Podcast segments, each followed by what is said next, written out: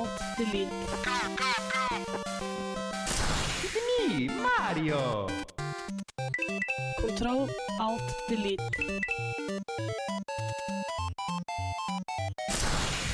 Unable to comply.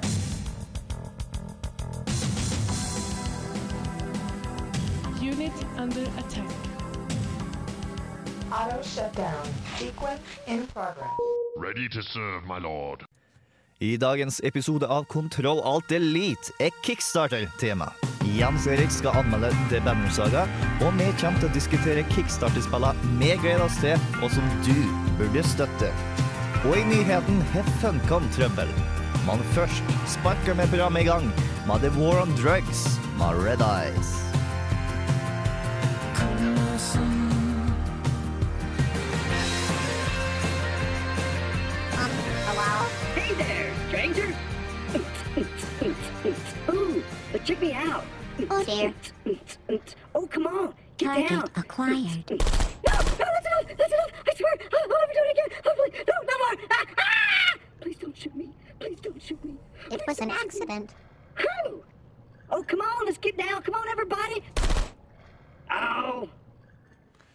Velkommen til Kontroll Alt Delete, og i dag så har vi et fullstappa studio.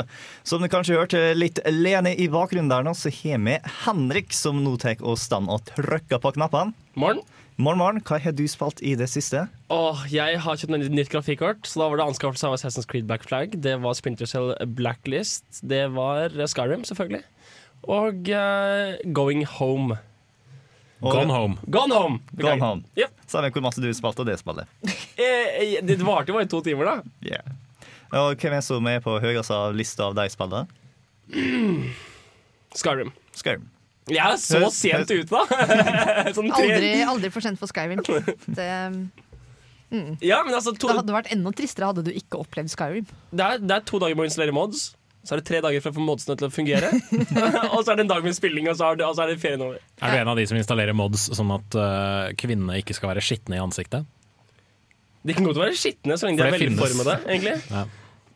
Men mine, mine, de der bystene som man setter rustninger på, er meget velformede. Så det med mannequinsene, det var den første moden, da. Men uh, høy, høy oppløsning, går jeg ut fra. Uh, høy oppløsning indeed, faktisk. Eh, men jeg, det, det begynte folk å legge med det nye grafikkortet også. Så da. Bare oppgrader resten, da, vet du. Ja, ja, fordi ja, prosessoren er jo selvfølgelig bottlenecken. Når den er, når den er gammel I3 klokka til 4 gigahertz, så begynner det å bli litt varmt i, varmt i rommet med vinduet åpent og sånn. Jeg regner med at du ikke har spilt på PC-en din, Jens Erik. Eh, det har jeg faktisk gjort. Oh. For jeg har spilt The Banner Saga, eh, Ah. som er ute på PC-er eh, verden over, hvis de har tilgang til Steam. Og det har vel de aller fleste, med mindre de bor i Kina eller Nord-Korea eller noe sånt. Nå. Uh, så det har jeg spilt. Og så har jeg spilt en del eh, Mario Party Island Tour på 3DS uh, for anmelder-purposes til gamer.no. Um, hvis du har fire, tre kompiser med 3DS-er, så er det sikkert spennende å kjøpe, men det er ikke noe verdt det å spille aleine. Syns jeg ikke. Eh, Banner Saga har jeg anmeldt til i dag. Ja, og det kommer jeg til å høre senere i sendinga. Og Sondre er på en tur innom. Hei, hei. Hei, hei. Hva har du gjort på det siste? Um, I forgårs så plukka jeg opp Ninjaguiden Sigma og skulle se hvor langt jeg kunne komme på det uten å save. Og jeg satt her i fem timer, og så glemte jeg det at jeg ikke skulle save. Så da jeg mistapte mot en boss, tenkte jeg ah, ja, jeg kan bare fortsette. Og så den, det tapet jeg følte da, da jeg starta på bane én igjen det er, en checkpointer ikke engang. Nei! Så det bare continue. Ja, greit, jeg kan fortsette. Og så bare ja, bane én. Men var det tilfredsstillende? Var det liksom Det var veldig digg frem til det punktet der, ja. Ja, fem timer er noe imponerende. Det Hva vanskelig Ja, det være gikk på? Nei, det er Sigma, så du har bare én vanskelighetsgrad for det første playthrough. Ok. Så jeg kom meg langt. Og jeg fikk explosive arrows, hvis du sier det nå. Mm. Og etter det så bare gikk det til pokkers. Yes. Og til slutt så har vi vår ensomme feminine stemme, i hvert fall før nå. Vi får se hva opptaket vårt tar å bringe. Hanna Gulbrandsen. Jeg føler meg ikke så ensom uansett, da. Nei, Eh, faktisk. Jeg føler ikke at jeg ødelegges av å være i godt selskap av eh, det handlekjønn heller. Vi er flinke til å ta godt vare på deg. Dere er det. Veldig, veldig flinke. Ødelegges er vel kanskje mer av det spillet du har spilt i det siste, og kun det. Nei, nei, nå må du gi deg. Uh, Steam påstår jeg har spilt 93 timer med Prison Architect. um, det er nok ikke helt riktig. Jeg har nok kanskje spilt eh, ok, Jeg har kanskje spilt 40 av dem, tenker jeg. Uh, og resten av tiden er egentlig at mitt velsmurte fengsel til slutt gikk av seg selv. Og gikk natten over og gjorde meg styrtrik. Så mm, Prison-arkitekt. Men jeg tenkte mer på det andre spillet som du spilte nonstop i dag. Ah, Du får det til å høres så ille ut. Jeg har uh, fått litt dille på Hearthstone, Blizzards uh, kortspill på nett. Mm. Uh, og jeg trodde ikke jeg kom til å bli bitt av den basillen, og nå satt jeg med en winstreak på syv kills i stad og satt og hoppa i settet mitt. Så ja. Mission failed der, altså. Eh, forferdelig morsomt spill. Ja. Du, du har Bård? Det ble Game of the Year for Hallgeir for en grunn, altså. Eh, ja, det gjorde kanskje det. Sjøl så har jeg tatt og spilt litt av Broken Age, kickstarter-prosjektet til Double Fine, som vi kommer til å snakke om senere i sendinga. Men aller først skal vi høre på Warpaint med Feeling Alright.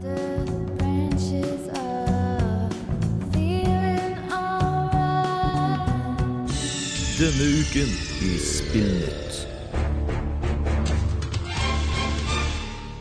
Og eh, i denne uka her nå, faktisk i dag, så er det noe spennende som skjer i Norge. Fordi at det største navnet i eh, Spill-Norge må nok være Funcom. Det er kun de som har noe særlig betydning av budsjett, egentlig. Og eh, i dag så var det noe artig pengegreier med deg, Ja, altså, dette er jo så breaking news som det kan bli. Jeg setter meg ned eh, sånn i 12-1-tida i dag foran PC-en, uh, skru- slår opp diverse nettsider, og så på Twitter så ser jeg følgende melding. Økokrim hos Funcom. Og jeg bare sånn Å, faen, nå har det skjedd noe. Uh, Økokrim har rett og slett uh, hatt razzia hos Funcom. Og nå sikta dem for brudd på uh, verdipapirloven. Uh, og det som da har skjedd, er at uh, før The Secret World ble lansert i juli 2012, så var det en del personer i Funcoms ledelse som solgte veldig mye av aksjepostene sine. Og det som da skjedde etter at spillet var lansert, var jo selvfølgelig at aksjen til Funcom gikk i dass. Eh, Fordi eh, spillet tydeligvis ikke var så eh, fantastisk og verdensforandrende som alle skulle ha det til. Da. Så nå har det rett og slett blitt sikta for litt sånn innsidehandel. Mm. Og det som skjedde var jo da at aksjene til Funcom de har nå blitt midlertidig fjerna fra Oslo Børs. Og Økokrim rykka ut og sendte alle de ansatte hjem, og nå må egentlig Funcom bare bite i det sure eplet og si ja, Økokrim, vi samarbeider fullt med dere. Vel, det var noe ganske tydelig før The Secret World kom ut, at det ikke var noe spesielt lovende. Liksom Alle som så spilt betaen, var ganske negativ til spillet, egentlig. Så jeg vet ikke hvor masse hold det egentlig har. fordi at har jeg hatt Funcom-aksjer før Secret World, så har jeg nok vurdert å eh, kaste loddet i au. Ja, men det er litt forskjell når en, eh, en gjennomsnittlig person som har noen aksjer i et selskap, plutselig selger det. Det er noe litt annet når deler av toppledelsen selger ganske betydelige deler, sånn at de ikke da vil gå i noe massivt uh, tap. Mm. Så det er nok det de, de, de Altså Christian Koss fra, Hans Christian Koss fra Økokrim har sagt det at eh, Eller han bekrefter at de er sikta for brudd på verdipapirloven og da markedsmanipulasjon. Som dette her også kan være, rett og slett at de da de, Når dette blir solgt eh, Når de selger aksjene sine før de vet at det kommer til å stupe ned, sånn at de ikke taper penger på det. Mm. Så dette er eh, veldig veldig dramatisk, men eh, det vil jo da være noe som vi følger etter hvert og blir oppdatert. Mm. Men det er heldigvis noen gode spillrelaterte nyheter som har kommet ut av vårt fagre land. Eh, er det det? Hva tenker du på nå? Jeg tenker Jo. på denne skolen Ja, som ja, ja, ja. å bruke Det- det spill er- på en litt mer kreativ måte. Ja, uh, det er en skole i Bergen som har begynt å bruke The Walking Dead som uh, Altså spillet The Walking Dead, ikke den grusomme TV-serien. Hey. Unnskyld, Hanna. Den er ganske dårlig. Eh, som et ledd i eh, undervisningen, eh, og da med spesielt fokus på dette med moral og etikk, og hvordan man tar moralske valg, og hva som er riktig moralske valg kontra hva som er feil moralske valg. Dette er da en skole i, i Bergen, hvis jeg ikke tar helt feil. Ja, og sånn de gjør det, er at de tek, læreren tar og spiller framfor deg, og så tar de og diskuterer om det var de riktige valgene som ble tatt, hva folk egentlig burde gjort. Og så tar de og bruker kahoot.it til å stemme og se hva meninga i eh, klasserommet er. Så det du sier er at det er en lærer som har funnet en måte å få lov til å game i klasserommet på? Absolutt. Dette er jo det er genialt! kult. Ja, men jeg synes det er kult. ja. Han sier jo også det at han har faktisk brukt uh, Age of Empires i O-fagstimer. ja, men det er jo kult. Det handler jo om liksom, ja, bygging av sivilisasjoner. Og så og ting. SimCity på Bedduck og Ja da. Ja, De har brukt Civilization, sier han. Wow. Noen av kollegene hans har brukt Civilization. Er Det er, sånn jo mye, det er mye historisk fakta i Civilization. Sånn, liksom fluff-informasjon. rundt Også er Assassin's. Creed for historie. Er det helt Ja, nytt for deg? Ja, det er helt nytt for meg, faktisk. faktisk. Og Portal for fysikk er veldig hyppig brukt. Absolutt. Sikkert Kerbal Space Program òg. Ja. Eh, Når vi kommer tilbake, så skal vi ta og diskutere Gears of War sin framtid. Men først skal vi få kose med Truck Fighters Ma Profit.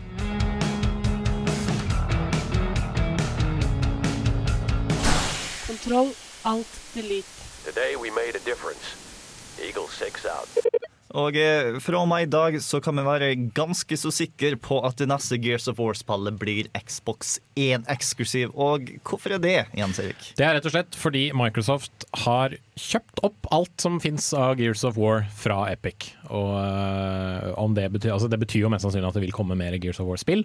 Hvem som skal gjøre det? Det ryktes at det skal være en utvikler som heter så mye som Black Tusk. Eh, fordi Microsoft har rett og slett flytta all utviklingen av øh, Gears of War-spill til dem, eller liksom til deres sånn cirka område. Uh, så det eneste Epic holder på med nå, er uh, Fortnite, som er det der basebygge-zombie-drepe-spillet. Og det derre uh, Sunset Overdrive, tror jeg var Epic sitt spill. Er det Epic? Er ikke det de Eller så tar jeg helt feil. Insomniac-folka? Ja, det var det. Det det beklager, min feil. Så uh, ja, rett og slett. Gears of War har blitt kjøpt opp av Microsoft. Uh, Epic har ikke lenger noe med dem å gjøre. Har eh, Black eh, folkene lagd noe før som er verdt å høre på? Eh, Black Tusk har uh, ikke gjort så veldig mye, nei. I hvert fall ikke som jeg kan se. Men det består av uh, noen eh, tidligere Epic Games-folk, bl.a. Rod Ferguson, som uh, nå er, jobber i Black Tusk. Så det er jo folk som har gått fra Epic da, til Ja. dette nye stedet. Minner meg ganske masse om det Halo-studiet som tok over etter Bunch. For eksempel. Og det, det, altså Halo 4 var jo et ganske kult spill sånn basert på anmeldelser og sånt noe, så dette kan jo bli stilig det òg. Men altså, uh, Gears of War-trilogien var jo avslutta. Judgment var jo mer en sånn, sånn etterpåklokskap som kanskje ikke burde ha eksistert sånn i det hele tatt. Ja, så hvor de, skal, hva, hva de, hvor de skal ta dette her, det, det blir jo spennende. Men greia er de tjente penger, og de kan tjene Ja, mer penger hvis de lager mer, så selvfølgelig er det ikke avslutta. Og apropos tjene penger, Microsoft har mer lyst til å tjene penger enn det Sony har, tydeligvis. Ja, fordi eh, eh, nå har det kommet fram at eh, Sony sier at The Elder Scrolls Online det skal du få lov til å spille gratis på PlayStation 4. Men på Xbox One så må du ha Xbox Live Gold-medlemskap. Uh, I likhet med alt mulig annet du skal gjøre på Xbox One, eh, tydeligvis. Uh, så Sony har jo allerede sagt at alle MMO-spill som eies av Sony, typ uh, DC Universe Online og lignende spill, det skal få lov til å være gratis, men de visste ikke helt hva de skulle gjøre med alle andre spill. da.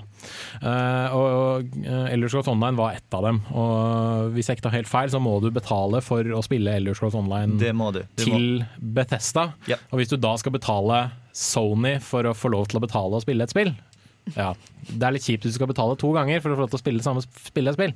Spørre Eh, Sony om å få lov til å betale penger til Bethesda, egentlig. ja, rett og slett.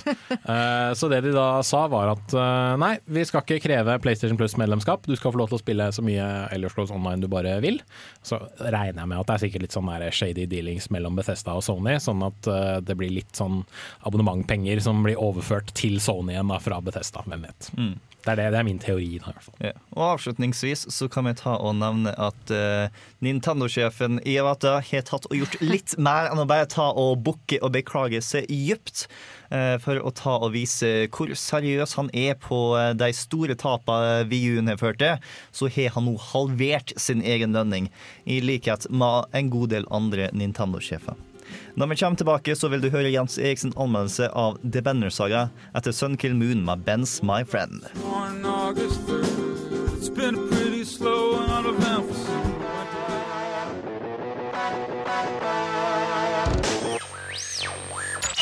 And then he herded them onto a boat, and then he beat the crap out of every single one.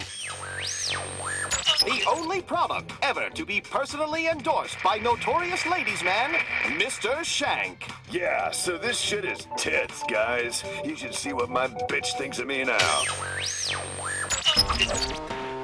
Ukas anmeldelse på Kontroll Alt Delete.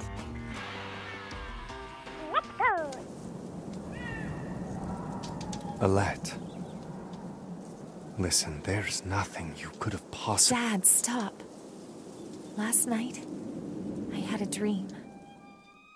Med utgangspunkt i skandinaviske myter og vikinghistorikk vever The Banner Saga en nydelig og oppslukende spillverden som står på randen av et ragnarok. Mennesker og kjemper har opprettholdt en spinkel allianse i en årrekke, men de sorte ødeleggerne kalt Dredge begynner å sette den skjøre freden på prøve. For å gjøre vondt verre har solen stanset i sin bane over himmelen og bader verden i et evig dagslys. Dreamt we never left home.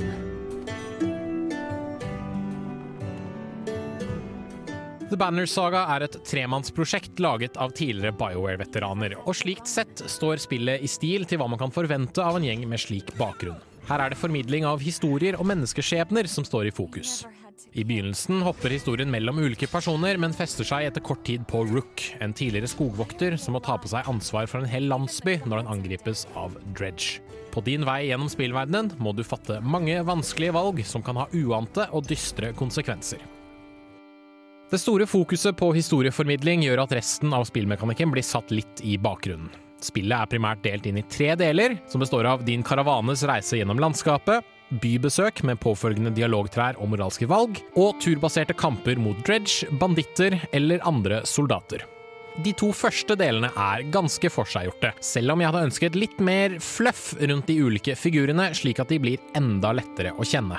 Mange av dem har knapt personligheter til sine nordisk-klingende navn, og når handlingen kun velger å fokusere på et fåtall personer, er det mange som blir satt til siden og fullstendig glemt.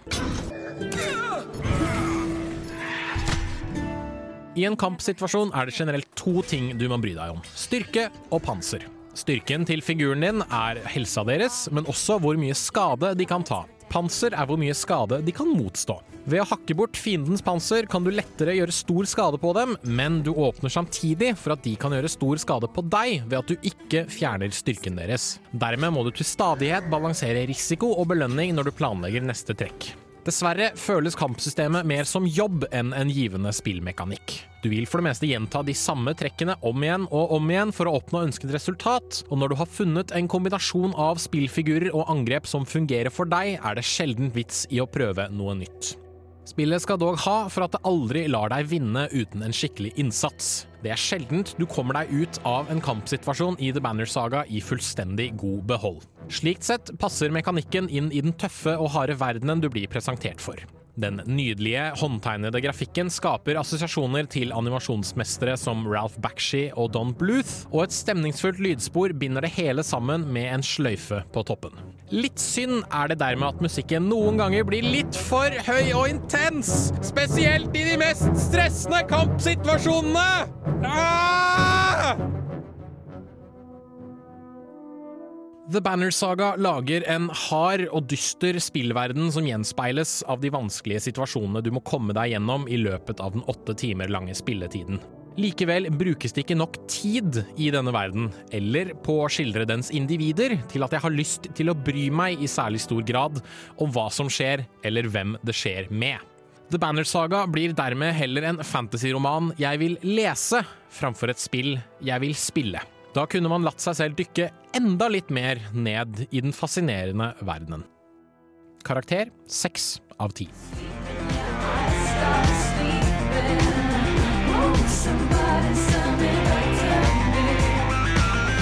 St. Vincent med Digital Witness hører du gå ut der nå. Og før den tid så tok du og hørte Jens Erik sin anmeldelse av The Banner Saga, som han ga seks ut av ti.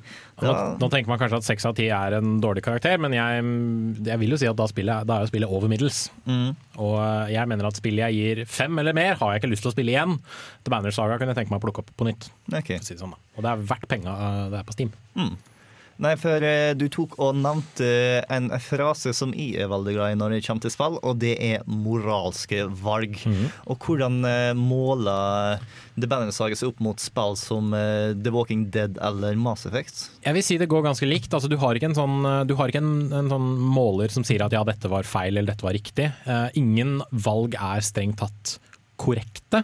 Eh, du havner ofte i situasjoner, f.eks. hvis karavanen din er på, på vei fra en by til en annen, så kan det plutselig dukke opp en tekstboks hvor det står eh, karavanen din møter eh, noen bønder som ser ut som de trenger hjelp med å reparere vognen sin, f.eks. Nå slår jeg ting på, på skrivebordet her. Og da får du liksom muligheten til å ja, gå opp og hjelpe dem, spørre om de trenger hjelp, bla, bla, bla. bla. Og den situasjonen kan ha fullstendig uforutsette konsekvenser. Hvis du velger å hjelpe dem, så kan det hende at du får mat. Det kan hende at de viser seg å være banditter som stjeler maten din. Det kan være at de angriper deg. Det kan være at uh, de uh, tar livet av en av de navngitte figurene du har i partiet ditt. Altså hva som helst kan skje. Uh, på et tidspunkt så, så skulle jeg prøve å forsvare en svær bro og uh, lot det gå et par dager før jeg uh, gikk liksom ut i fysisk kamp selv. Og når den tredje dagen hadde gått, så hadde jeg funnet ut at en av kumpanene mine var bare blitt drept. Da fikk jeg liksom bare opp en dialogboks hvor det stod ja, du ser liket til pip ligge, og du drar han med deg vekk. Å ja, faen, ja, jeg likte han. Ja. Det var, Hadde navnet hadde den et skikkelig naughty navn? Nei, jeg bare, sånn. for de som hører på hvis de har tenkt å, hvis, Jeg bare tenker at for de som hører på, hvis de har tenkt å spille spillet, kanskje de da ikke vil vite hvem som kan sånn, dø. Og Det virker som om alle kan Det dø. er så å si alle sammen i det spillet, bortsett fra kanskje det viktigste av det viktige, kan dø. Det virker i hvert fall sånn, da. Eh, og eh, den, eh, altså, I starten av spillet i hvert fall så er det en veldig Det er en viktig person som tydeligvis skal dø, da, men det er jo ment som at for å liksom understreke at det er mulig for alle å dø her. Og et par, eh, altså kanskje en halvtime etterpå, så var det enda en fyr da, som gikk bort eh, grunnet et galt i anførselstegn valg eh, på en av disse uh, dialog som dukka opp. da. Men han prøver å redde en sånn vogn fra å falle ut fra et stup. Og så, får du så prøver jeg å hjelpe han, og så får jeg beskjed om at nei, han brekker begge armene, og så dør han. Spoiler alert? Nei. du du, du skifta totalt fra å ikke ville si Ja, det, er, det, er til å tidlig, det er tidlig i spillet, det andre er senere ute i spillet. Yes. Men eh, jeg vet at du er ganske glad i spill som XCOM, eh, Enemy Unknown og mm. Fire Emblem Awakening. Hvordan skiller The Banner Saga seg fra de spillene?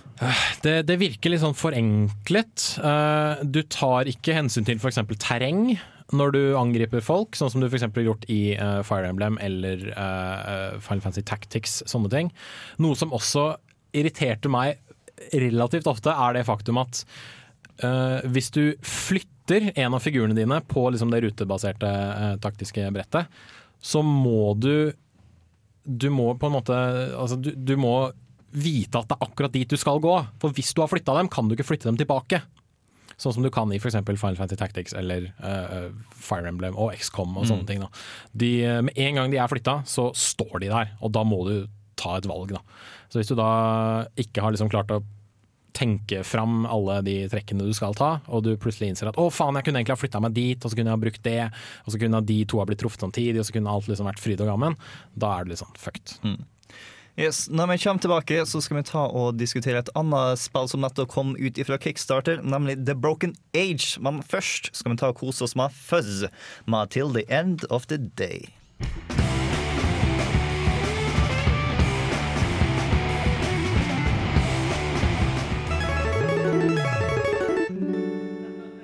Egentlig så var planen at uh, Hallgeir skulle ta og komme med en anmeldelse av The Broken Age til i dag.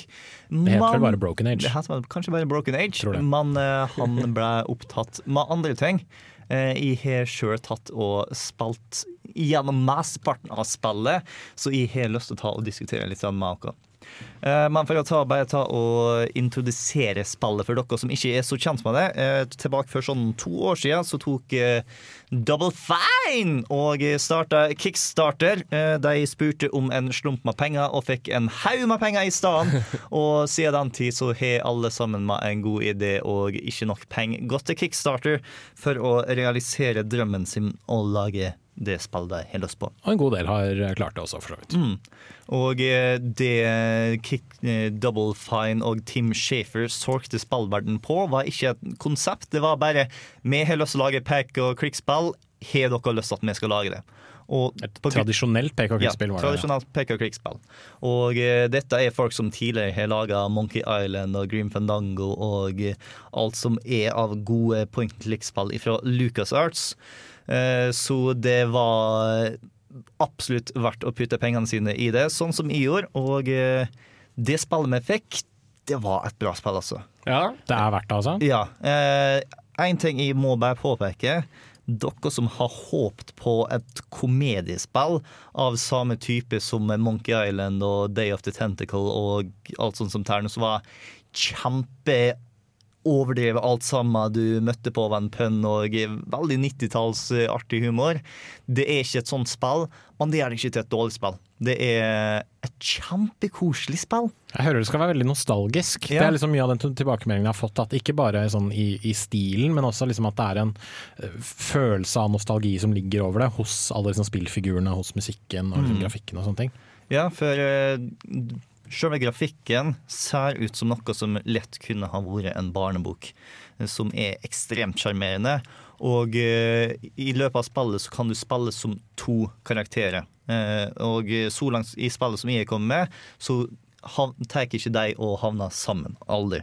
Eh, Men det du kan gjøre, er når som helst så kan du ta og velge Nå gidder ikke å holde på med gutten som har stemma til Elijah Wood lenger. Nå har jeg lyst til å ta og hoppe til jenta som er på en helt annen plass med et helt annet eventyr. Elijah Wood? Elijah Wood har stemmen til karen du kan spille. Han er en flink voice actor. Ja, ja han, han, jeg liker ham veldig godt. Og eh, jeg syns at historien til en eh, guttungen er ganske interessant. Fordi at eh, han er et ensomt menneske på et eller annet romskip. Eh, romskipet er styrt av en AI som eh, blir kalt eh, mor, eller mother, eller hva jeg vil kalle det. Som er Dallaman sånn absolutt. Hun er skikkelig påpasselig. Det er sånn, det viktigste tingen hun har blitt programmert til, er å holde han sikker. Så uh, han kan ta far rundt på massevis av eventyr, men alt sammen er kjedelig og uten far. Det er sånn Å nei, det er en gi- gigantic avalanche, og så kommer du dit nå. Å nei, vi er uh, eh, fanga i iskrem. Ja, Du er nødt til å spise oss ut. Eh, noe av tilbakemeldingene jeg har hørt, i hvert fall på en del amerikanske nettsider, er at det er jentas historie som er langt mer interessant. Hvordan stiller du deg der? Eh, jeg synes at eh, Personlig så synes jeg at guttungen sin er mest interessant. Fordi Mm. at han er en guttunge, eller han er nå 14-15 år gammel, og blir behandla som en er fem. Ja. Han har konstant lyst til å ta og komme seg ut av denne verden her nå og gjøre noe spennende i stedet for å ta og leve i en kjempetrygg verden. Mens mora Du skjønner at hun har lyst til å gjøre det godt, men uh, hun forstår ikke hva han vil. Jenta er også interessant, absolutt. Hun eh, er i en eh, verden hvor det er litt sånn Lovecraftian monsters som du trenger å ofre jomfrua til. Så eh, hun, hun er nødt til å bli ofra. Alle sammen sa det en stor ære. Hun sa nei, og idet hun blir, skal bli ofra, så tar hun heller kutta monsteret og fyker av gårde. Pent. Eh, nå tar vi og setter på litt eh, Eagles her nå, med Possessed.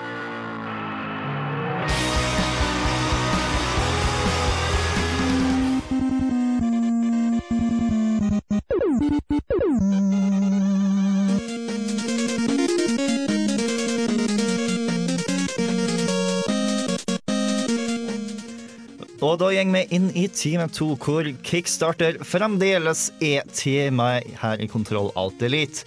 Og eh, jeg lurer på om jeg er den eneste i studio som har den intense trangen på å stole på fremmede og gi deg penger for noe jeg har lyst på. Og der er absolutt alle hendene i været, så vi er alle sammen naive. Og eh, er det noen som har lyst til å ta og fortelle om eh, det de har tatt og kjøpt og ikke fått ennå? Jeg syns vi kan kåre Hanna til dronningen av Kickstarter sånn med en gang, for jeg vet at hun sikkert har støtta det meste her inne. Hun har støttet mest mennesker her inne. Det er nok ikke så ille som du tror, men det er ikke så mye spill. da Jeg har støttet spill også, men uh, det er veldig Kan mange snakke i andre mikrofonen, så hører vi deg kanskje litt bedre. Jeg snakker Ikke vær så kritisk, Jens Erik. Jo! Du, du, du er bare sur for at du, Jeg fordi du ikke støtter så mye eh, ting på Kickstarter. Jeg gjør ingenting rett jeg i dag. Nei, Bare, bare, bare la meg Ja, nei. Mange dumme ting, kanskje, som jeg har kjøpt på Kickstarter. Eller i hvert fall eh, litt sånn eh, som virker veldig forlokkende der og da. Du vet litt sånn ja, ja, ja, det er 15 minutter igjen. Og så bare, dette er jo sykt det kult! Dette er det kuleste i hele verden! Og så bare her, ta, ta pengene mine. Og så går det sånn 16 minutter, og så var det ikke så lur idé. Um, og de har jeg hatt noen ganger, men jeg har også fått mye kult, da. Ja, Så, sånn Kickstarter. som? woohoo! Eh, jeg har fått en uh, kul uh, Impossible-sak. Det er en slags polaroid-kamera, men ikke likevel. Ja, den hadde du med deg på hytteturen! Ja, det stemmer. Uh, og da uh, er det en sånn sak du drar opp. Det ser nesten ut som et veldig, veldig gammelt kamera. Det er en boks. Ja. Og så legger du mobilen din oppå den med bildet du har lyst til å printe ut. I- Eh, på skjermen? I for det er ikke printer. Det er faktisk bilde av skjermen din som blir til polaroid.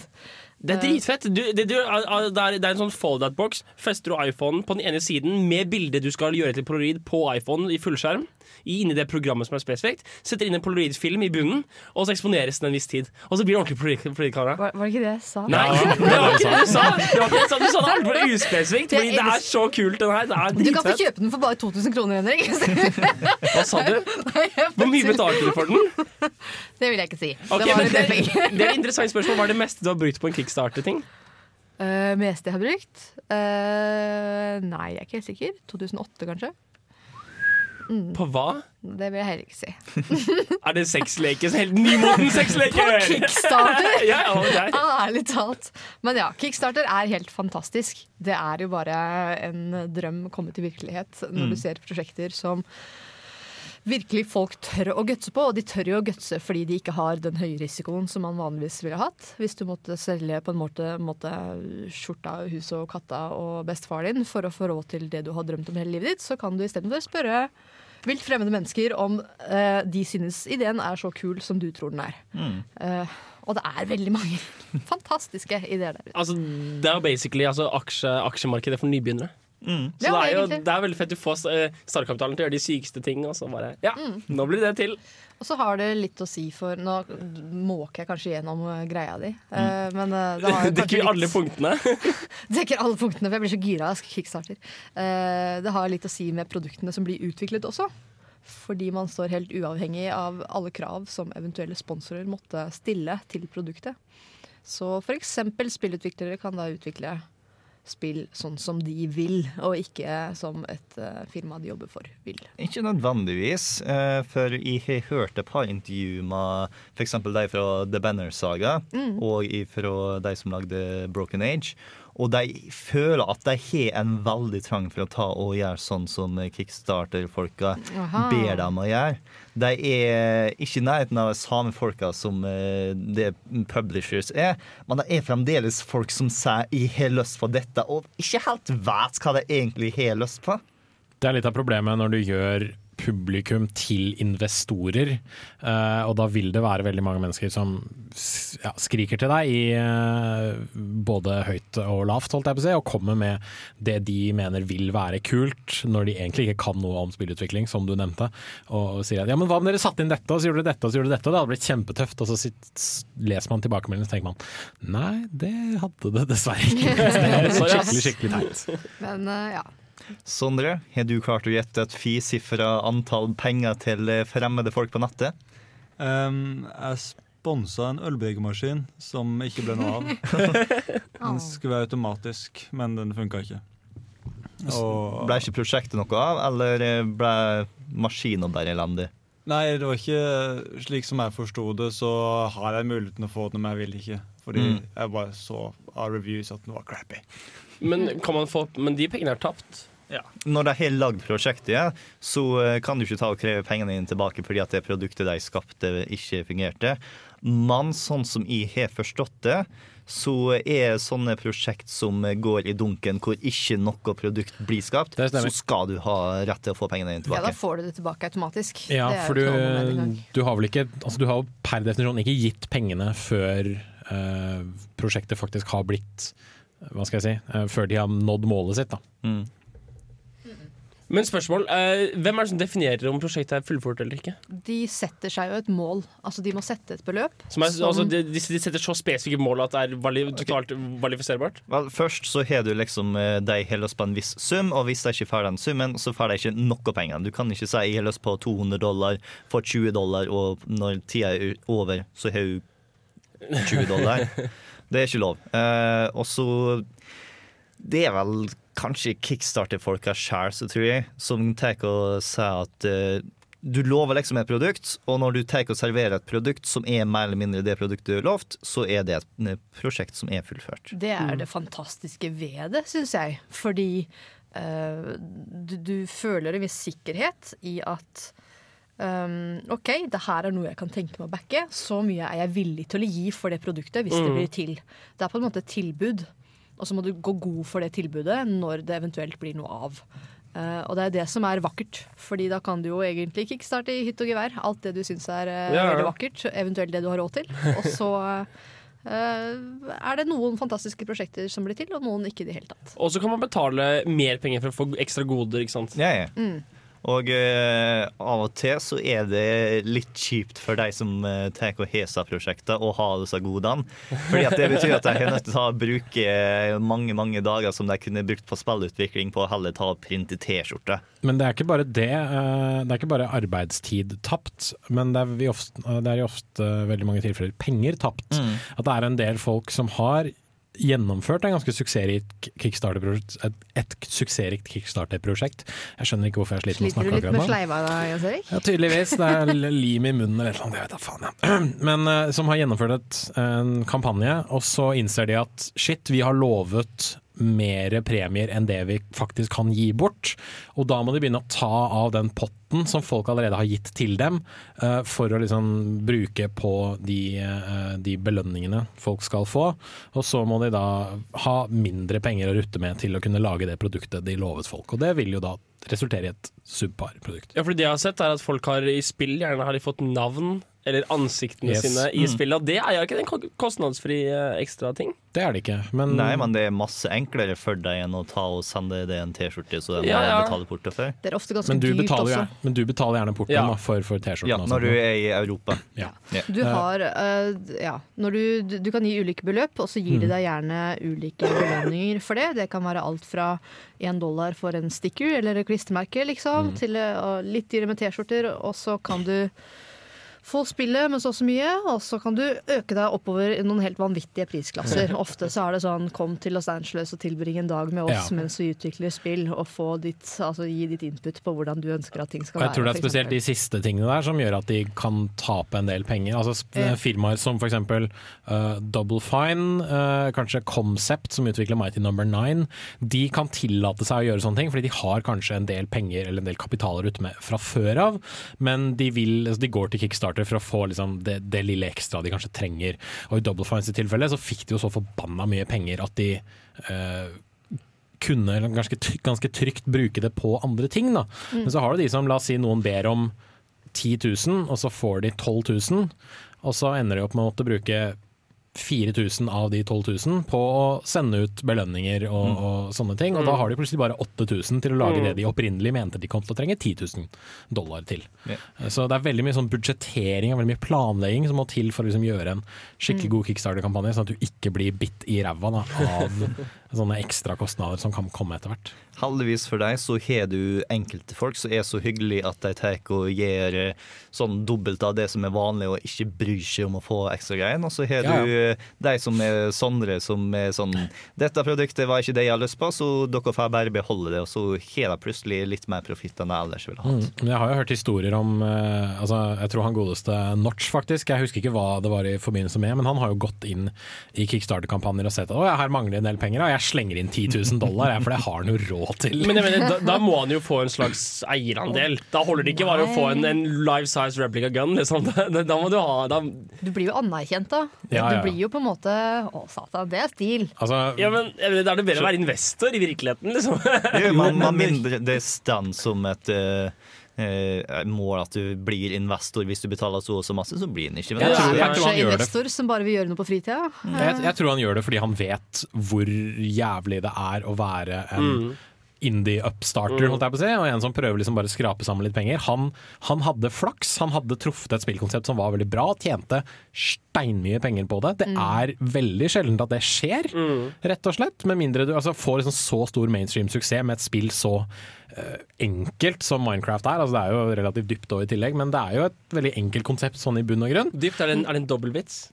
Det er en minevits. Ja, gruvevits. Gruvevits. Mine er sånn som sprenger når du tråkker på Mining! Beklager, mining. Gruving. Eh, Men, eh, så jeg tror han er en sånn fyr som tenker at ja, dette her ser ut som et bra prosjekt, jeg vil støtte dem fordi jeg vet hvor, hvor jævlig det har vært å ikke ha liksom, penger til det du virkelig vil gjøre. Da. Nå er det jo snakk om uh, disse gutta som utviklet dette uh, første multiplayer-spillet til iPhone. husker Jeg ikke hva de heter, disse norske gutta.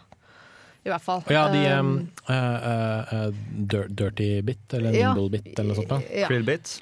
Nei, um, De som, altså Nei, Fun de Run, heter- det er, det, det er ja, dirty, Fun Run dirty er bit. det Dirty. Bit, ja. Helt riktig. Uh, de også var og snakka til oss i april, eller hva det var. Ja. Um, og sier at det er uh, trist å si det, men det er mye tilfeldighet ute og går når man skal bli populær. Altså når spill slår an. Det er veldig mye som skal klaffe. Mhm. Og jeg tror at når man også er i en sånn business sjøl, så kjenner man til det veldig godt. Eller anerkjenner Mm. veldig at Og en fyr som Notch er, han er glad i å hjelpe folk. Altså, Mm. Jeg har sett han i sånne charity, eh, eller sånn veldedighets-livestreamer og sånt nå, hvor han eh, ja, plutselig bestemmer seg for å slenge inn 10 000 dollar. Fordi han ser at ja, her er spillfolk som gjør noe som skal gå til en god sak. Dette har jeg lyst til å støtte fordi jeg mener at dette er en god sak. Og ikke minst, det bedrer synet på, på spill, spillfolk generelt. Da. Mm. Er det noen gode saker du har støtta, Jens Erik?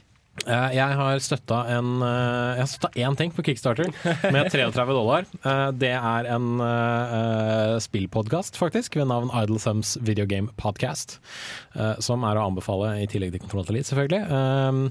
Fordi det var en podkast jeg hørte på tidligere, som ble avslutta fordi han ene flytta til, fra San Francisco til Boston for å jobbe på Bioshock Infinite hos Irrational.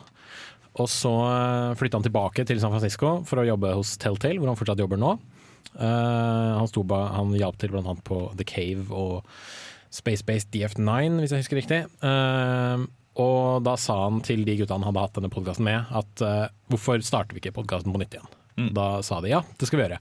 Men de ville gjerne ha penger til å sette opp et skikkelig studio. De ville ha penger til å leie et ordentlig kontor. De ville ha penger til å sette opp en ordentlig liksom, streaming-PC, så de kunne liksom tilby en del ekstra ting da, for uh, folk som hadde lyst til å høre på denne podkasten. Så da for jeg visste at fordi dette var et godt produkt fra før av, tenkte jeg at vet du hva, det er verdt å gi dem 33 dollar for å få denne podkasten tilbake. Og da fikk jeg en uh, gratisversjon av 30 Flights of Loving, som er et kjempekult spill som alle bør prøve, som ligger ute på Steam. Uh, et sånt uh, eh, postkort og fire sånne låter som de har spilt inn i forbindelse med podkasten. Så kult. Hmm. Og da, eh, som, eh, som eh, backer av dette prosjektet, så fikk jeg altså tilgang til det de kaller for progress casts, hvor de liksom har sett seg ned og pratet om prosessen det har vært å bygge en ny webside, mekke et ordentlig studio, eh, kjøpe inn PC-deler, og liksom hvordan, liksom, hvordan de har bygd opp Idle Thumbs-podkasten på nytt igjen. Da. Mm. Det har vært kjempekult å, å være med på og få oppleve. Nå tror jeg at vi tenker å bevege oss inn i den første spillåta. Og den er faktisk i, blitt kickstarta, fordi det er fra The Banner Saga. Og eh, jeg hørte et intervju med som sagt Banner Saga-folka på eh, Epic Battle Cry sitt eh, podkast. Og eh, der så nevnte de at eh, når de fikk alle disse pengene som de egentlig ikke forventa, så fikk de altså en hel haug med portefolie fra eh, folk som har lyst til å ta og eh, lage musikken for dem. Fordi de var tre karer. Originalt så har jeg planlagt at den ene karen som aldri har laga noe musikk utafor eh, GarageBand, skulle ta og mekke det. Men plutselig så har han masse penger, og folk som har lyst til å jobbe for dem. Og da var det en kompis av deg som sa ikke ta og finn tak i deg Nei, ikke ta og ansett noen som har lyst til å jobbe for det. Ansett heller noen du har lyst skal jobbe for det. Og da var den personen som var øverst på lista, her, var Austin Wintery, som har nettopp tatt og eh, komponert musikken til Journey. Så de tok og kontakta han, sa vi har kjempelyst at du skal ta og eh, lage musikken for The Banner Saga. Han tok og så på prosjektet og fant ut at det var dritkult, og endte opp med å lage dobbelt så masse som han ble betalt for.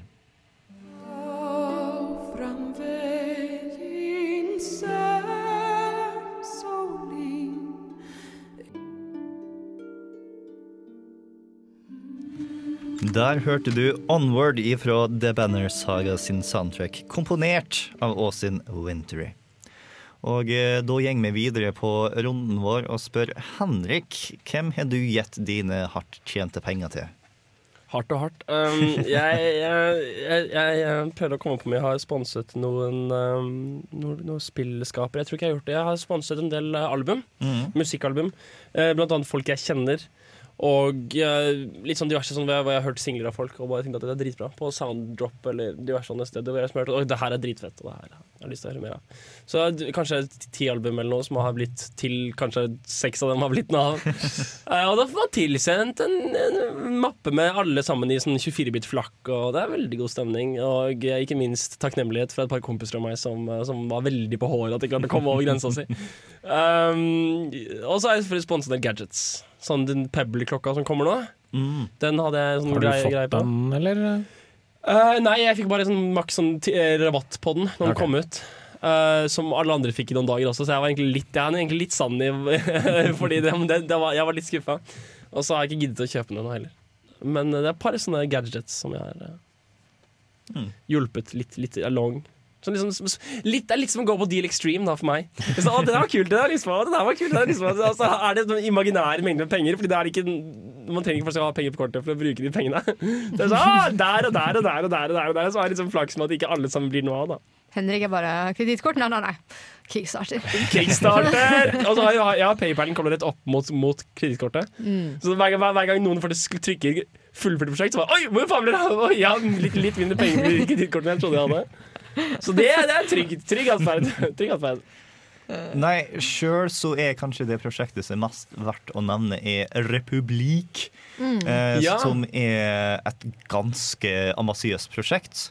Som nettopp ble faktisk fullført. Eh, det var ifra eh, den ene produsenten fra Metal Gear Solid 4 og Halo og alt mulig rart, amerikaner, som bestemte seg for eh, nok med Triple A. Jeg har lyst til å ta og gjøre noe eget, og jeg har lyst til å ta og utfordre mobilen.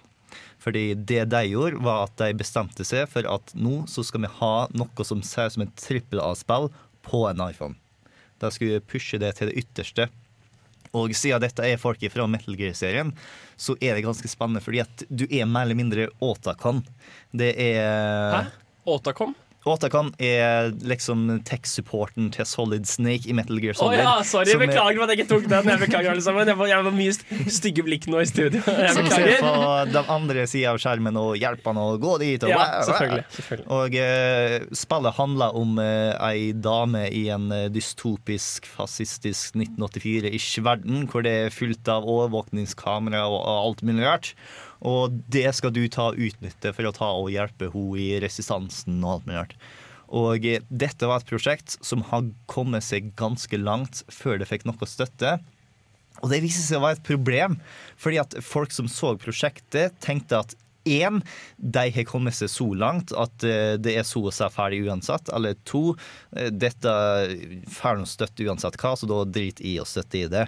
Så de var på sånn nippe til å ikke klare det. Jeg eh, ga mer enn jeg vanligvis ville gjort, bare så de kunne blitt dytta over.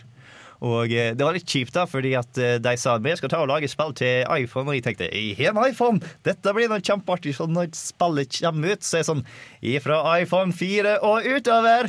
Og så sitter jeg der med 3GS-en min og vet sånn Jo, men du måtte se den litt jeg, jeg komme, da. tenkte det. Vi skal, vi skal dytte dette til det ytterste. Vi skal gjøre dette, vi skal drive disse motorene så hardt. Da snakka de ikke om 3GS. Nei, men altså selv Men jeg tenker generell mobilutvikling er et lite helvete. Fordi det er sånn der Jeg vet ikke hva loven til han duden heter, men i hvert fall den er, den er mer enn dobling av hastighet hver, hver 2,5 år. Altså. Mm. Ja. Det går fort opp. Så hvis du, hvis du bruker et helt år på å utvikle spillet, så har du allerede bommet på det nyeste av det nye. Du er ikke bleeding edge lenger etter seks måneder. Jo, men eh, du har nå lyst til å ha et ganske bredt spekter med telefoner. som Jo, men kan tas på det. 3GS er eldre enn meg. Det er eldre enn, Husker du HTC Hero?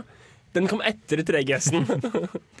Men jeg har nå fått hendene mine på en eh, amerikansk eh, iPhone 4, som jeg har fått kjøpt brukt av en kar som kjøpte den brukt av en kar som kjøpte den brukt. Eh, så eh, det så snart jeg får et SIM-kort der nå, så skal jeg få testa Republikk. Endelig. Det, det som bør så- nevnes i denne historien, er jo at Bård prøvde å spikke til sitt uh, nåværende SIM-kort før sending i dag. Det gikk ikke. Og jeg må bare en liten digresjon. Dere skulle sett hans. nå er vel Bård egentlig bare uten mobil. Punktum. Nei, jeg fikk faktisk en eh, gratis uh, SIM-kort fra Juice fordi at jeg nettopp Ah. start, nei, fra Chess fordi at jeg nettopp starta med bank-ID. Mm. Og uh, jeg trengte et mikro-SIM-kort i stedet for et vanlig SIM-kort. Så det var sånn fuck, let's make it. Greia var at Bård ikke helt visste hva slags SIM-kort han egentlig trengte. Så Bård liksom åpner opp spør om han kan låne iPhone 5-en min, Mm. for å liksom se hvordan han skal spikke det til. Og idet jeg liksom åpner luka min og tar ut mitt bitte lille SIM-kort, så ser du maska til Bård bare faller idet han står der med det digre og min lille brikke, som liksom var mindre enn chipen på hans SIM-kort. Og da skjønte han at This won't work. Oh. Men så det, ja, ja, det, det, Men det var den minste typen SIM-kort, Ja. ikke den typen SIM-kort jeg skulle trengte Nei, ikke sant. Så det gikk, det gikk fint. Det var bare dette uminnelige uttrykket. Så lyst hadde han til å spille dette spillet, altså. Men det finnes en hel haug med spill som har blitt kickstarta, men ikke har blitt sluppet ennå. Og jeg har litt lyst til å ta og diskutere de, de som er på horisonten og frister. Er det noen som kan tenke seg noe jeg gleder seg til? Sondre? Jeg er jo litt sånn postapokalyptisk fan og har spilt Fallout 1 og 2. Og de karene der de lager nå Wasteland 2, som jeg gleder meg til. Fins i beta allerede nå, faktisk. Ja, Men jeg skal ikke spille den i beta, jeg skal spille den når det blir. Skal jeg fortelle deg hvorfor du ikke bør spille betaen? Nei. Fordi den koster 45 euro for en jævla beta-versjon. Det er sinnssykt dyrt. Men, men da får du tilgang til, til ferdig spill også? Jo, det får du jo selvfølgelig. Men likevel, jeg syns det er veldig mye å betale for en ja, ja, ja. beta. Som tydeligvis ikke er verdt pengene. Uh, 290 kroner. Syns du det er mye? 45 For- euro er nok mer enn 250 Nei, 200 Jeg tenkte jeg skulle gange seks. Ja. Jo, La oss ikke bruke tid på kalkulatordelen av det programmet. da Nei, jeg uh, tenkte 277. Men euro. Å ja, dollar og euro. Er det euro? Ah, 380 kroner er det. Ah, hæ? Ja, 380. Ja, OK. OK. Men 380, det er jo ikke Altså Jeg synes det er nok for en beta. Infinite. Ja, men du får jo hele spillet. Jo da, men ut fra rapporter fra diverse nettsteder, så er det ikke en beta som er verdt å betale for. Altså, det er en alfa. da, Jeg har betalt 600 kroner for Nintendo 64-spill som ikke er verdt å betale for. Men det, ble- det, Ja, det er men Det er sånn en bølge som har kommet igjen i en digresjon. Dette er vel digresjonstimen, er det ikke det? jo da. Jeg har en kompis som går på medisin som han nå har brukt det siste halvåret. Han har brukt kanskje 2000 kroner på en 64-spill. Nei, det, det, Ja, det handler jo om hva Ja. Det handler jo egentlig ikke om pris så mye som hva folk har vært Altså villig til å gi for det. Hva det har vært for folk. Men, men ja, 200 det. Jeg syns ikke det var helt Nei, 380 kroner. Hvor mye koster Daisy RC-en? Det. Daisy standalone pre-release candidate-spillet. Jeg, tror det- jeg tror det koster sånn Early access, mener du? Ja, early access, beklager. Ja, sånn 30 euro. Det er en del, liksom. Yeah. Og det funker ikke, liksom. Liksom, liksom, liksom. liksom. Liksom. liksom. Nei, nei, nei. Daisy Early Access 24 euro. Ja. Og det er rundt 200 Nå kroner. skal det sies at det var en humble bundle på Arma 2, da, så du fikk det i Daisy-modden for, uh, for 6 dollar. Jeg og, jeg og Bård satt Nei, det blir en lang digresjon, det! Blir en lang digresjon. Stort sett eh, vi brukte evigheter på å finne hverandre. Jeg og Bård brukte en halvtime på å finne hverandre, og så, var vi, så dø, døde vi aktivt i et kvarter. Og så bare fucka serveren seg, og så måtte Bård legge seg. Hvor, hvor var vi egentlig i den samtalen her? For nå flyter det ut i alle retninger. Tilbake, hvem andre er det som Ikke pung ut for Wasteland 2 er uh, Nei, akkurat. tipset mitt. var. Kickstarter Wasteland 2, ja. Yes, Andre Les, spill eh, som er blitt kickstarta, som vi gleder oss til. Andre spill. Project uh, Eternity. Ja. Go on. Obsidian uh, har et spill som er pur porno, hvis du er interessert i det grafiske aspektet ved spill. Uh, Obsidian. Og det er Obsidian, uh, så oh my god. Neverwinter Nights pluss, pluss, pluss. pluss. Fantastisk, fantastisk. Uh, det ser Jeg, jeg tuller ikke. Det er, jeg så en demo nå hvor de liksom viser hvordan vann beveger seg. Og, og renner mellom stener og sånn, alt ettersom det er høydevann. og sånn. Det, det, helt, det er helt latterlig å se på grafisk. Så jeg eh, Og det er noen asymmetriske RPG-er, Ja. da er det litt enklere enn hvis du er FPS. Ja, ja, jeg er gæren. Du lager jo ikke FPS med det. Altså, da, du har jo ikke noe til å drive det ennå. Det her er litt det samme. Du pusher grafikkort til Mm. limit. Se hvor mye vi kan leke med dem. Eh, og så gjør vi det selvfølgelig fint for alle andre som må sette ned innstillingene, men det er jo liksom eye candyen dette spillet er eh, blitt kjent for, da. Mm. Et spill som jeg gleder meg til, som jeg dessverre ikke fikk med meg var på kickstarter før det var ferdig, er et spill som heter Lisa. Som eh, overraskende nok er et av de mest maskuline spillene ever. Eh, for eh, det handler om en postapokalypse hvor absolutt alle kvinnfolk er døde. Eh, så det er kun mannfolk igjen som eh, skal ta og overleve i Sånn overdrevet maskulin eh, postapokalypse, hvor du tar og spiller russisk rulett og vedder armene di og selger som mannhore og alt som er. Og jeg syns det er ganske interessant, fordi at Ja, Sondre? Jeg kjente en kompis av meg som har spilt russisk rulett og vunnet to ganger og tapt én. Oh. Good story, bro. Oh, Så han har mista en arm, altså. Men med andre ord et uh, fantastisk spill for homofile, høres det ut som. Det må jo være helt glitrende. Jeg, jeg syns det er ganske interessant fordi at uh, maskulinitet har så ofte bare vært det normale, at vi ikke tar og utforsker det noe særlig. Det er liksom, skal vi utforske kjønn, så er det feminine kjønn som blir utforska. Og det å bare ta det maskuline, ta og putte det til det helt ekstreme, og se hva som er det unormale med det vi tar og ser på som normalt, er faktisk ganske interessant. Det er kult, faktisk. Hvis jeg får muligheten til å forske på dataspill, så skal et av de første tingene jeg forsker på, være fremstilling av menn i dataspill. Mm. Uh, bare sånn fordi jeg Ikke nødvendigvis fordi jeg synes at uh, hun godeste Anita Sarkisien ikke har noe for seg i uh, den videoserien hennes, men fordi jeg tror det er noe som må kikkes på. Mm.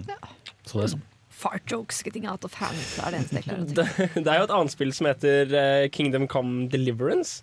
Fra Warhar War, War, War, War, Warhammer, Studios. Warhorse Studios. Warhorse Studios. Eh, som, som er stort akkurat nå. Blitt liksom trenda litt på Reddit og fått 500 000 Fått 200 000 mer enn målet sitt på 300 000. Da. Okay. Og det skal være sånn herre Innovating RPG, non-linear uh, RPG game with RPG elements and RPG punage and uh, new melee system and everything is good and we are cool. Jeg at Hele eh, poenget med spillet er jo at det skal ta utgangspunkt i Altså Det skal prøve å være så realistisk som mulig. Det skal liksom Ja, Ingen sant? drager, ingen magi, ingen troll, ikke noe sånt noe. Det er liksom uh, Dungeons and no dragons, sier de. Ja, Ah, Dungeons okay. ok. And Dragons. Ja, og, eh, Vanlig dag på kontorspill. hest, Ja, sånne ting. Så det, det tror jeg kan bli spennende. Eh, et annet spill som eh, kan være ganske interessant, er et som heter Rain World, mener jeg. Ja, ja, Hvor du tar og spiller som eh, det de kaller sludge cat. En sneglekatt, ja. Ja, du tar og er på en eh, planet hvor regnet er giftig og du ikke har lyst til å være ute i.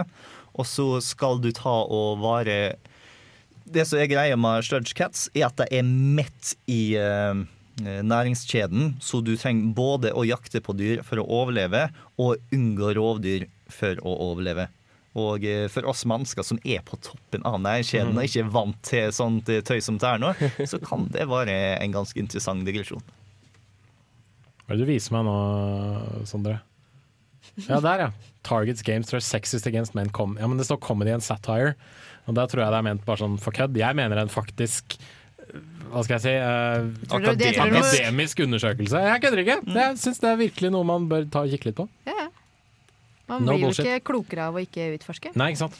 Uh, et spill jeg er eh, veldig gira på, er et spill jeg nevnte tidligere, som heter Mighty Number Nine. Mm -hmm. uh, fra gutta i Concept, som har uh, Altså, de ville ha 900 000. De har tjent over eh, fire millioner, så vidt jeg har skjønt. Det er da kickstarterpenger pluss litt sånn ekstra PayPal-greier. De var utsatt for en liten sånn eh, kontrovers, som jeg eh, bruker med de verdens største eh, gåsetegn som fins, sånn en gang før jul, fordi det var noen som var livredde for at en kvinne som kanskje kunne være feminist, potensielt skulle tegne en robot og få lov til å designe den. Oh my god! Drama. Uh, det gjorde meg fly forbanna. Men eh, det ser ut som et kjempekult spill fordi KG Inafune har laget noen stilige Megaman-spill, blant annet Megaman X og Megaman 1 til whatever. Og Mighty Number 9 ser ut til å være mer Megaman, så det kan jo bli kjempe, kjempeskøy. Og de har jo eh, knust alt de hadde av stretch eh, goals, så det kommer jo til det aller meste under solen, bortsett fra sånne grafiske kalkulatorer som er ti år gamle, eh, med sånn retro chiptune-soundtrack. Og det, kom, ja, det er ikke måte på hva de eh, skal gi ekstra da, i, denne, i Mighty Number 9. Det tror jeg kan bli gøy. Uh, noe annet sånn retro-greie jeg gleder meg til, er Shovel Knight. Som er rett og slett det det høres ut som. Det er en ridder som går rundt med en spade. Shovel Knight! Shovel Knight. Det er uh, det de sier da er at det er et groundbreaking love letter to 8-bits. Hva er greia med at alt skal være groundbreaking? kan det ikke være roofbreaking eller et eller annet? Men det har jo også blitt uh, sammenlignet, så, sammenlignet med Dark Souls møter uh, Castlevania møter uh, litt sånn andre ting. Så jeg tror dette her kommer bli kjempegøy. Du er en blå ridder som går rundt med en spade som man bruker som graveverktøy og som våpen og alt mulig. Kan, kan jeg bare ja, Unnskyld, unnskyld uh, Henrik. Du, er, du, er du grepet av, av øyeblikket? Jeg er veldig grepet av øyeblikket, fordi eh, Bård, du har sendt meg link. Mm. uh, til et spill som jeg så bare URL-en, og der står det liksom riotgame.org slash backhourproject. Så jeg Riot Game, og så måtte jeg liksom sjekke hva nettsida til Riot faktisk er. Som ikke er spillet, men de som har laget League of Legends, liksom. og Riot til League of Legends har riotgames.com. Og de andre har riotgame.org. Det er ikke rart jeg liksom Jøss er Riot og lager et kickstarter-prosjekt, liksom, som jeg ikke har fått med meg. Det ville vært underlig. Ja, Riot er et spill som gjorde meg kjempeinteressert, fordi at det er et uh, Riot Simulator. Du kan enten være politi og prøve å stanse sa folka, eller du kan ta og være de som tar og gjør opprør. Mhm. Det er liksom Hver eneste person er, har sin egen AI som tar og handler annerledes. Og det er sånn veldig kul pikselert grafikk som skal ta og passe fint på iPhonen din. Det, det ser så stilig ut. Og det kuleste av alt, det er basert på ordentlige opprøret i verden. Kult. Vi lover at det blir noe av. PS-kontorene holder til i Kiev.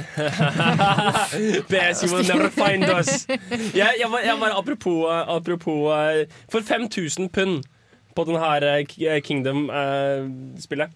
Du har backa Kingdom 5000. Come Deliverance. Jeg sier det på det er, det er tre, Herregud. tre, tre muligheter som aldri er solgt til å bruke 5000 til å backe det spillet her.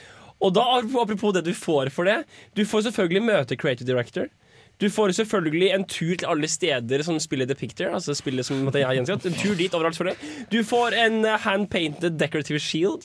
Your very own hand-forged hand and a half sword with personal inscriptions. Du får samtlige versjoner av spillet som kommer nå, noen gang vil komme, både digitale og fysiske kopier. Og du får en statue med din, eh, din likeness, altså de med som ser ut som deg, i en av hallene. Og du får navnet ditt i eh, associ eh, Associative Producers i begynnelsen av crediten av, av spillene. Damn. Så du får full rustning, rundreise og alt de måtte lage i fremtiden? Det, Ja, det er, litt sånn der- det er litt, det er litt, litt sånn der Saints Row 4 Million Dollar Waterboard Ja, Edition. det er- Du får en blowjobs! Det er 1000 blowjobs! Oi, oi, oi. Jeg tror vi tar en liten pause der nå og går til våre gode venner i Starbomb, hvor denne uka så er det Sonics Best Pal som står på tur. Hey kids, would you like to hear a fun story about Sonic and Tails? Eat a dick! Great! Here we go! Tails the fox, his mind is blown. He'll kick you right in his special zone. I think I'm gonna call the cops on him, but he will never know about it. Oh fuck! Yes, og eh, Hanna, hva var det du lurte på under stikket? Eh, om jeg har noensinne støtta Jeg, jeg lurte på, fordi låta, Man kan jo se om um, um, et prosjekt er ferdig backa eller ikke, og da mener jeg at de har nådd liksom målet sitt. Og så fortsetter du etter det. Altså, det er jo ikke noe stoppe for å Altså, du får lov til å backe selv mm. om det er ferdig funded, uh, for det går på tid. Altså, tiden må gå ut. Da lurer jeg på om noen av dere hadde backa et prosjekt som allerede på en måte er garantert ferdig, da, men rett og slett valgt det pga. at det er et veldig populært Det er, jo gjerne, det, er, det er jo gjerne flere, De har gjerne flere mål, har de ikke det? Så Det Mm. ene er om de har et binært Stretch mål. goals, Sånn, ja. ja, ikke sant? Ja. Så enten så har du klart det eller ikke klart det, og så er det ferdig. Så kan du backe det bare fordi det er en sikker investering. Ikke sant? Det tror jeg det er mange som gjør. Mm. Eh, Jeg tror det andre er at de har stretch goals. Så de greiene her på den der, Jeg vet ikke at jeg har fortalt om Kingdom Come, der, er det, der var det første målet det var 300 000. De går opp til en million, liksom. Mm. Så jeg, jeg, jeg, tror, jeg, tror, jeg tror mange fortsetter å backe det opp oppover. Og det er et spill som er verdensmester i stretch goals. Og det er spillet som heter Star Citizen, som nå er oppe i stretch goal eh, 39 millioner dollar. Men de har jo flytta alt fra Kickstarter. da de, ja. Det var jo først en opprinnelig Kickstarter-kampanje. Nå får de det bare gjennom PayPal og folk som donerer direkte til utgiveren. Okay, så De har fortsatt liksom låst stretch goals hvis de får inn penger i etterkant også, eller? Nei, altså de har bare sagt at vi, altså Kickstarter-kampanjen vår er over, men her har dere fortsatt mulighet til å gi oss penger ved å Du kan annet kjøpe skip før spillet har kommet ut, så du er liksom sikra den ene type skip i spillet Wow. uh, når det blir utgitt, f.eks. Og så har de den derre De gir ut sånn modul Altså de, de bygger spillet i moduler, så vidt jeg har skjønt. De liksom begynte med cockpit-modulen, så ble det skipsmodulen, så var det hangarmodulen, og så bygger de liksom utover sånn. da Så folk kan drive og teste. teste. Men eh, når spillet skal komme ut, det vet jeg ikke om eh, de har fastlåst uh, nå. Når det blir bli major shitstorm om to år når de ikke har kommet ut ennå. bare. Det er eh, 58 millioner dollar som ligger i det prosjektet, og de bare ja, tar på seg selv og ser på, ser på Sherlock kommer igjen om igjen. De, de estimerer 2015, så det kan jo hende at de dobler pengene sine fram til da. Men det jeg ser for meg, er at de som de aller fleste som har giddet å støtte det, har jo allerede gjort det. på en måte. De kommer Mm. ikke til å synke ytterligere 1000 dollar i det prosjektet, tenker jeg da. Men um, herregud, I could be wrong. Ja, Det er også poenget om noen har backa noe flere ganger. Nei. Om man dobbeltbacker ting. Jeg tror jo at det er en god del folk som har gjort det. Ja, jeg tror jeg også, med sånne småsummer i hvert fall. Ja, i hvert fall Hvis jeg gjør det på den måten at du tar og gir deg penger nå, og så er du sikra in game items, Mm. da er det veldig mange som kan ta bare så vel. Jeg har tatt og putta 1000 kroner inn i nå, så kan jeg 100 kroner til. Ja, ikke sant? hvis, man har, hvis man har råd til det. Men uh, den Eye the Thumbs-podkasten som jeg støtta, der, var jo, der visste jo jeg at den kom til å bli finansiert, for den ble det veldig fort. Og da tenkte jeg at ok, her har jeg ikke noe jeg kan tape. Her har jeg liksom bare, Det kan kun ha positive følger for meg da, å gi dem penger. Jeg kan ikke plutselig sitte i den situasjonen at jeg ikke får det jeg vil ha. Jeg si. Mm. Så da bare ga jeg dem Ja, for Når du sier tape, så tenker jeg du har jo for så vidt ikke noe tape i den forstand med pengemessig. Nei, det er ja. det er Men er det produktmessig du liksom tenker på, eller? Ja, for eksempel. altså, Investere følelsene dine og bare få deg Ja, knust. Du, du ser Å, fy faen, dette her er dritkult Å, dette vil jeg investere. Låne sånn hjertet sitt. Og så, bare, så lover du dem penger, så bare Å, faen, det ble Og ikke det, noe. er skuffelser. Og så skal det jo sies rent, rent, rent økonomisk sett, selv om jeg, vet, jeg, ikke har noen plass til det programmet, så det blir en liten digresjon. Rent økonomisk sett så er lovnaden om penger koster deg penger, netto nåverdien er eh, større nå. av De pengene du, du, hvis du har pengene nå, versus å låne dem bort, så kan du gjøre mer ut av de pengene og få mer tilbake. Så det, det koster deg penger å ha de stående i en lovnad til Kickstarter-prosjekt. Jeg elsker at du måtte anerkjenne at du liksom ikke hadde noen rett til å komme her og snakke. Fantastisk, Henrik. Det, ja. Men er, det, er, er, er vi, syns vi at Kickstarter bare er liksom Gud? Er det Kickstarter ah, Englene kommer ned og gir deg penger? Nei, så det, er, det er en plattform. Det er en plattform hvor eh, folk som eh, tar og svindler, kan ta vare. Det er en plattform hvor eh, drømmer kan komme til virkelighet. Det er Det er også en plattform der drømmer kan knuses. Ja, det det er jo sikkert, altså For hver av de som tjener fem ganger så mye som det de egentlig trenger, så er det de som ikke klarer å tjene det de trenger i det hele tatt. Og så er det de som får en hæl av penger og ikke har den kompetansen til å lage det produktet som jeg tar og lover. Men sånn er det jo med, med investering i risikoprosjekter. Sånn er det jo alltid. Litt av det som gjør kickstarter til det som er kickstarter, tror jeg, og som gjør det liksom, har gjort det populært, er den derre du deler du deler risikoen på så veldig veldig mange Mm. mennesker. Ja. Går det i dass, så er du ikke i ruin, liksom. Du har mista 20 dollar, kanskje. Og Men, men, fuck men, it, men hva, hva skjer hvis jeg får 10 000 mennesker til meg en ti- tikroning hver, og så sitter jeg der med disse 100 000 kronene? Som der får jeg de til å lage den, denne klokken jeg har lyst til å lage? Får jeg de pengene på kontoen min til å bruke et år på å lage disse, denne klokken jeg har lyst til å lage? Jeg vet faktisk ikke helt hvordan det foregår. Fordi det er jo sånn for merkelig Hvis jeg da ikke klarer det, og ender opp med ikke klarer det et år senere, så vil de ha 100 000 tilbake. Og på ingen tidspunkt ta pengene forlatt banken til disse folka her. Funker. du må ikke Altså, det, sånn du gjør det når du setter opp et prosjekt, er at de sier at ok, du må tjene så og så mye, eller du må få inn så og så mye fra andre mennesker på så og så mange dager, ellers så vil du ikke få pengene. Men det som har skjedd i ettertid også, er det at uh, Kickstarter og PayPal har faktisk nektet å utbetale hele summen av finansieringsprosjektet til bl.a. spillutviklere. Eh, så de har liksom bare fått La oss si de skulle ha fått 300 000, så har de fått 150 000. Og så har Kickstarter sagt at nei, det er det dere får foreløpig, inntil vi ser noen flere resultater. Ja, og det er en sånn skittig ting man må være litt obs på, tror jeg. Så kicks, Kickstarter tar liksom regninga foreløpig til det er levert prosjekt? da Nei, det tror jeg ikke, for pengene blir jo Altså, når prosjektet er uh, suksessrikt, holdt jeg på å si, Ja. når du har liksom fått de pengene de skal ha, så blir jo de pengene tatt fra, Ja, ja, ja. fra, fra, Ja, fra brukerne. Ja, ja. Men Kickstarter og PayPal er hva skal jeg si, mellommannen, da. Men det er jo ikke snakk om at Kickstarter tenker at nei, vet du hva, det her spillet blir jo ikke så bra likevel. Altså, Det er det jo ikke, Det, men- det er jo det at de vil se at du gjør Det er faktisk det pengene går til, er utviklingen av det produktet du har Ja, siktet men det har også ført til tilfeller der uh, f.eks. spillutviklere har trodd at ok, vi får alle pengene inn med en gang. Ja. Eh, Og så og så ikke får de ikke det, Nei. og da ender de opp med å lage et produkt som ikke er så bra som de vil love. da Men Kickstarter tar også 10 eller hvor mye tar de? Vet noen det? Jeg mener på at det er 10 Jeg tror det er 10 ja. Så det er jo en interessant, ganske, det er ganske lukrativ budsjettmodell. Det har, det har dukket opp flere, er det ikke? In, Indiegogo, i hvert fall. Ja, Indiegogo, ja, Det definitivt. har hatt kjempeøkning eh, det siste året. Så det er jo en interessant liten sånn greie. Ja, det det er jeg, jeg ser for meg at det er to typer businessmodeller som er litt sånn nye, nye type businessmodeller. Det ene er fra nullbegynnelsen, sånn som Indiegogo, altså, altså crowdfunding projects. Det andre er sånn som Louis CK gjør med sin humor og sine videoer og sin, altså sin standup. Hvor han selger, hvor hvor han eier alt. Det er, alt er Ja, ja. hans materiale, så selger han det for fem dollar på sida si. Direkte til kunden. Direkte til kunden. Ja. Og han, altså, altså, alt han gjør er altså, Han tar ikke noe mellombruk, han tar ikke noe marketing. Han sender en personlig mail til meg. Jeg fikk akkurat den i sted nå. Han har, han, har, han har laget en ny film, og den bare selger han meg for fem dollar. De er fine, de der PS20, altså betal det du vil. Uh, Ja, og er, da, er vi, da, er vi, da er vi jo på den tredje, holdt jeg på å si, Humble Bundle. Ja. Som er jo helt fantastisk. Du kan, betale, du kan betale så mye du vil for en bitte liten mengde. Så kan, hvis du betaler over snittet, så får du litt ekstra. Ja. Nei, du har nå også eh, enda en som bare kutter alt av eh, folk med AS bak i bedriftsnavnet sitt.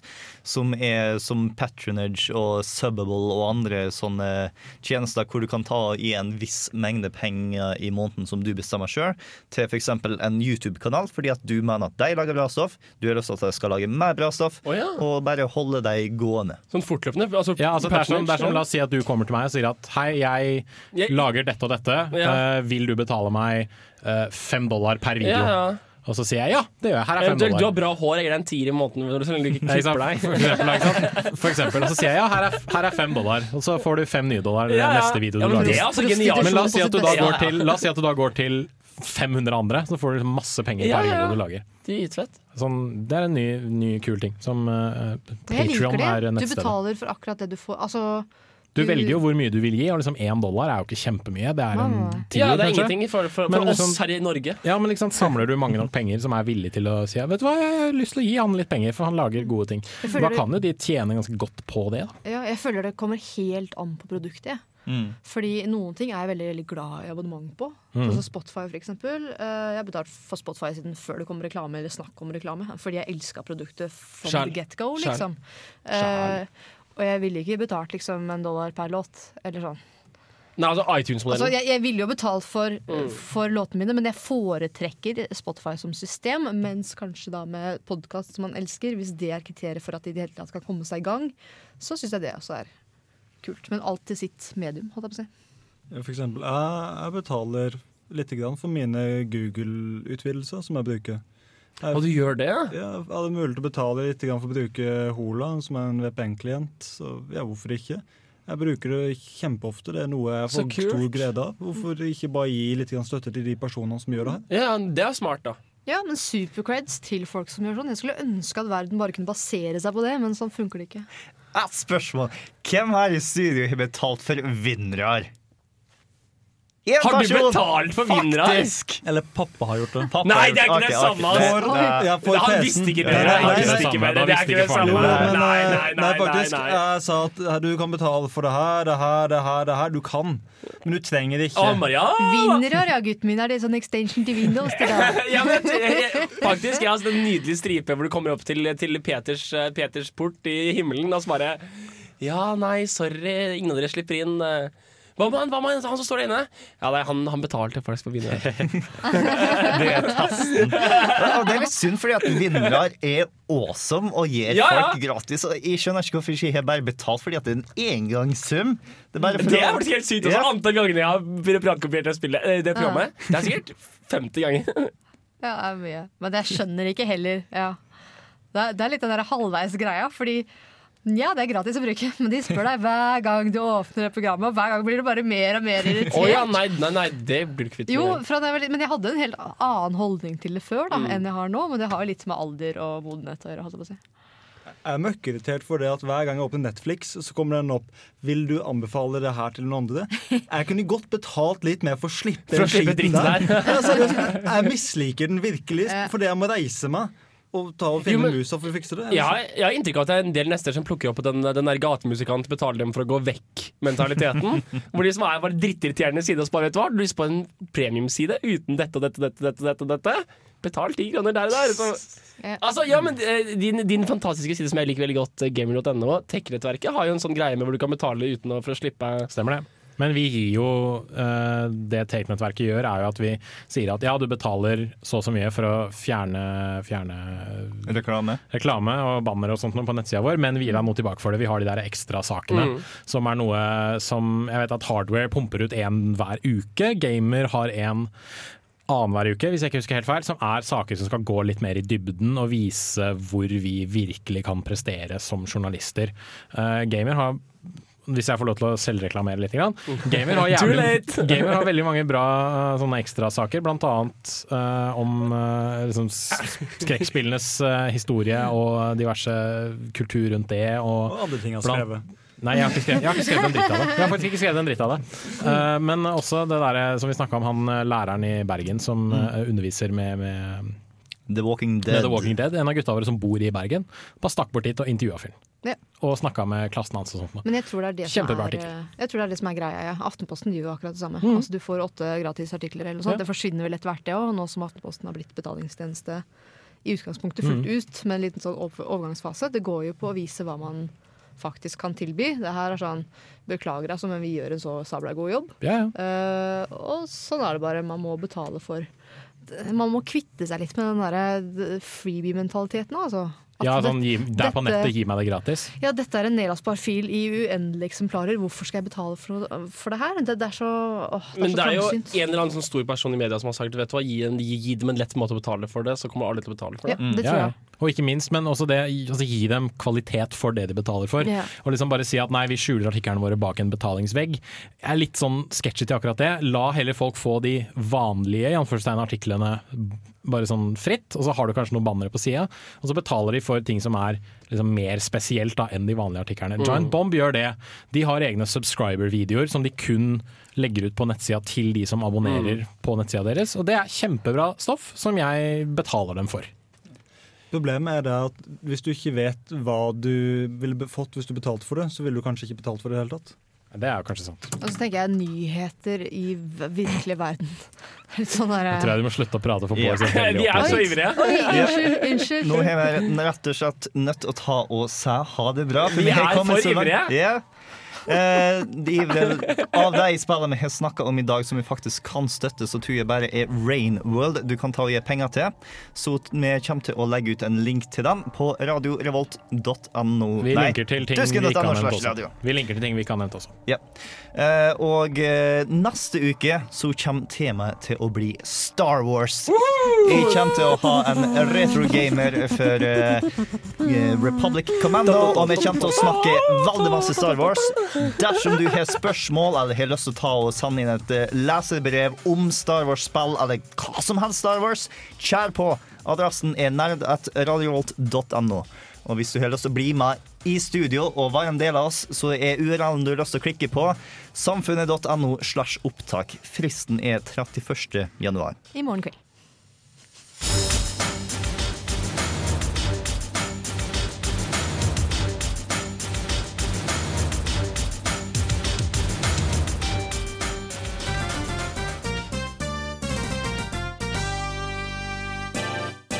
Har du spørsmål, utfordringer, ting du føler vi bør ta tak i, eller noe helt annet du vil spørre oss om, da kan du sende mail til nerd.radiorevolt.no.